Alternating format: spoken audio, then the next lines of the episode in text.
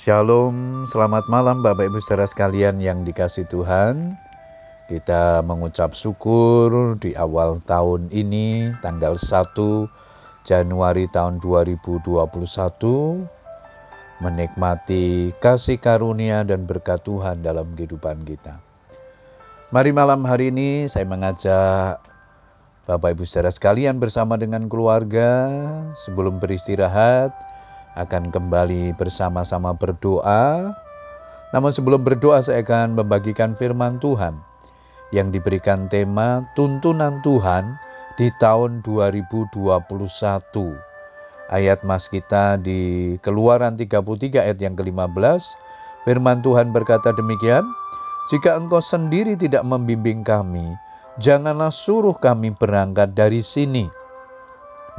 Bapak Ibu Saudara sekalian, segudang rencana, harapan dan keinginan kita bahwa memasuki hari baru di tahun yang baru ini. Kita berharap semua kegagalan di hari-hari yang lalu tidak akan terulang lagi. Hari ini adalah waktu yang tepat untuk berefleksi dan melakukan kontemplasi. Mengapa aku gagal? Mengapa rencanaku berantakan?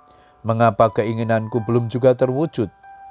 Mungkin selama ini kita menjalani hidup dengan mengandalkan kekuatan sendiri, merasa mampu tanpa perlu bimbingan Tuhan, merasa tak membutuhkan campur tangan Tuhan. Memimpin bangsa Israel keluar dari Mesir menuju ke tanah Kanaan adalah tugas yang tidak mudah bagi Musa. Karena itu Musa sangat membutuhkan bimbingan dan penyertaan Tuhan. Dan sejak awal penyertaan Tuhan atas mereka sungguh nyata namun di tengah perjalanan, bangsa Israel berubah tidak setia terhadap Tuhan dengan membuat patung anak lembu emas untuk disembah. Mereka lupa dengan pertolongan Tuhan, penyertaannya, kasihnya, dan perbuatan ajaibnya. Perbuatan mereka benar-benar menyakitkan hati Tuhan dan menimbulkan kemarahannya. Aku tidak akan berjalan di tengah-tengahmu, karena engkau ini bangsa yang tegar tengkuk, supaya aku jangan membinasakan engkau di jalan.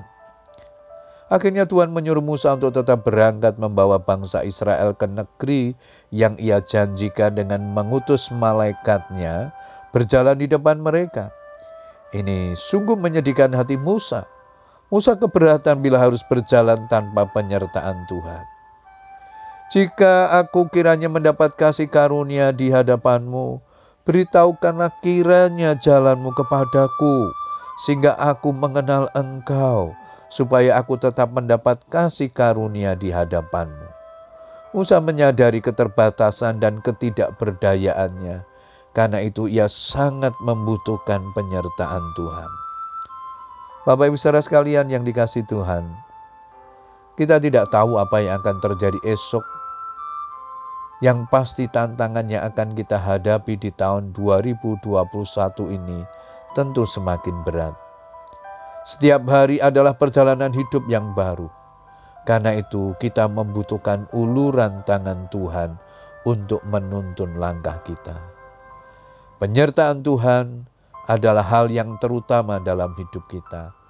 Tanpanya kita akan tidak akan mampu menjalani sepanjang tahun 2021.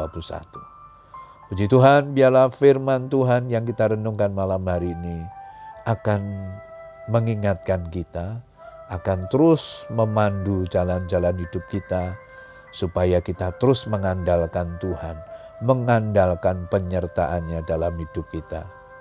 Selamat berdoa dengan keluarga kita, tetap semangat berdoa, tetap optimis, Tuhan menyertai kehidupan kita di sepanjang tahun ini.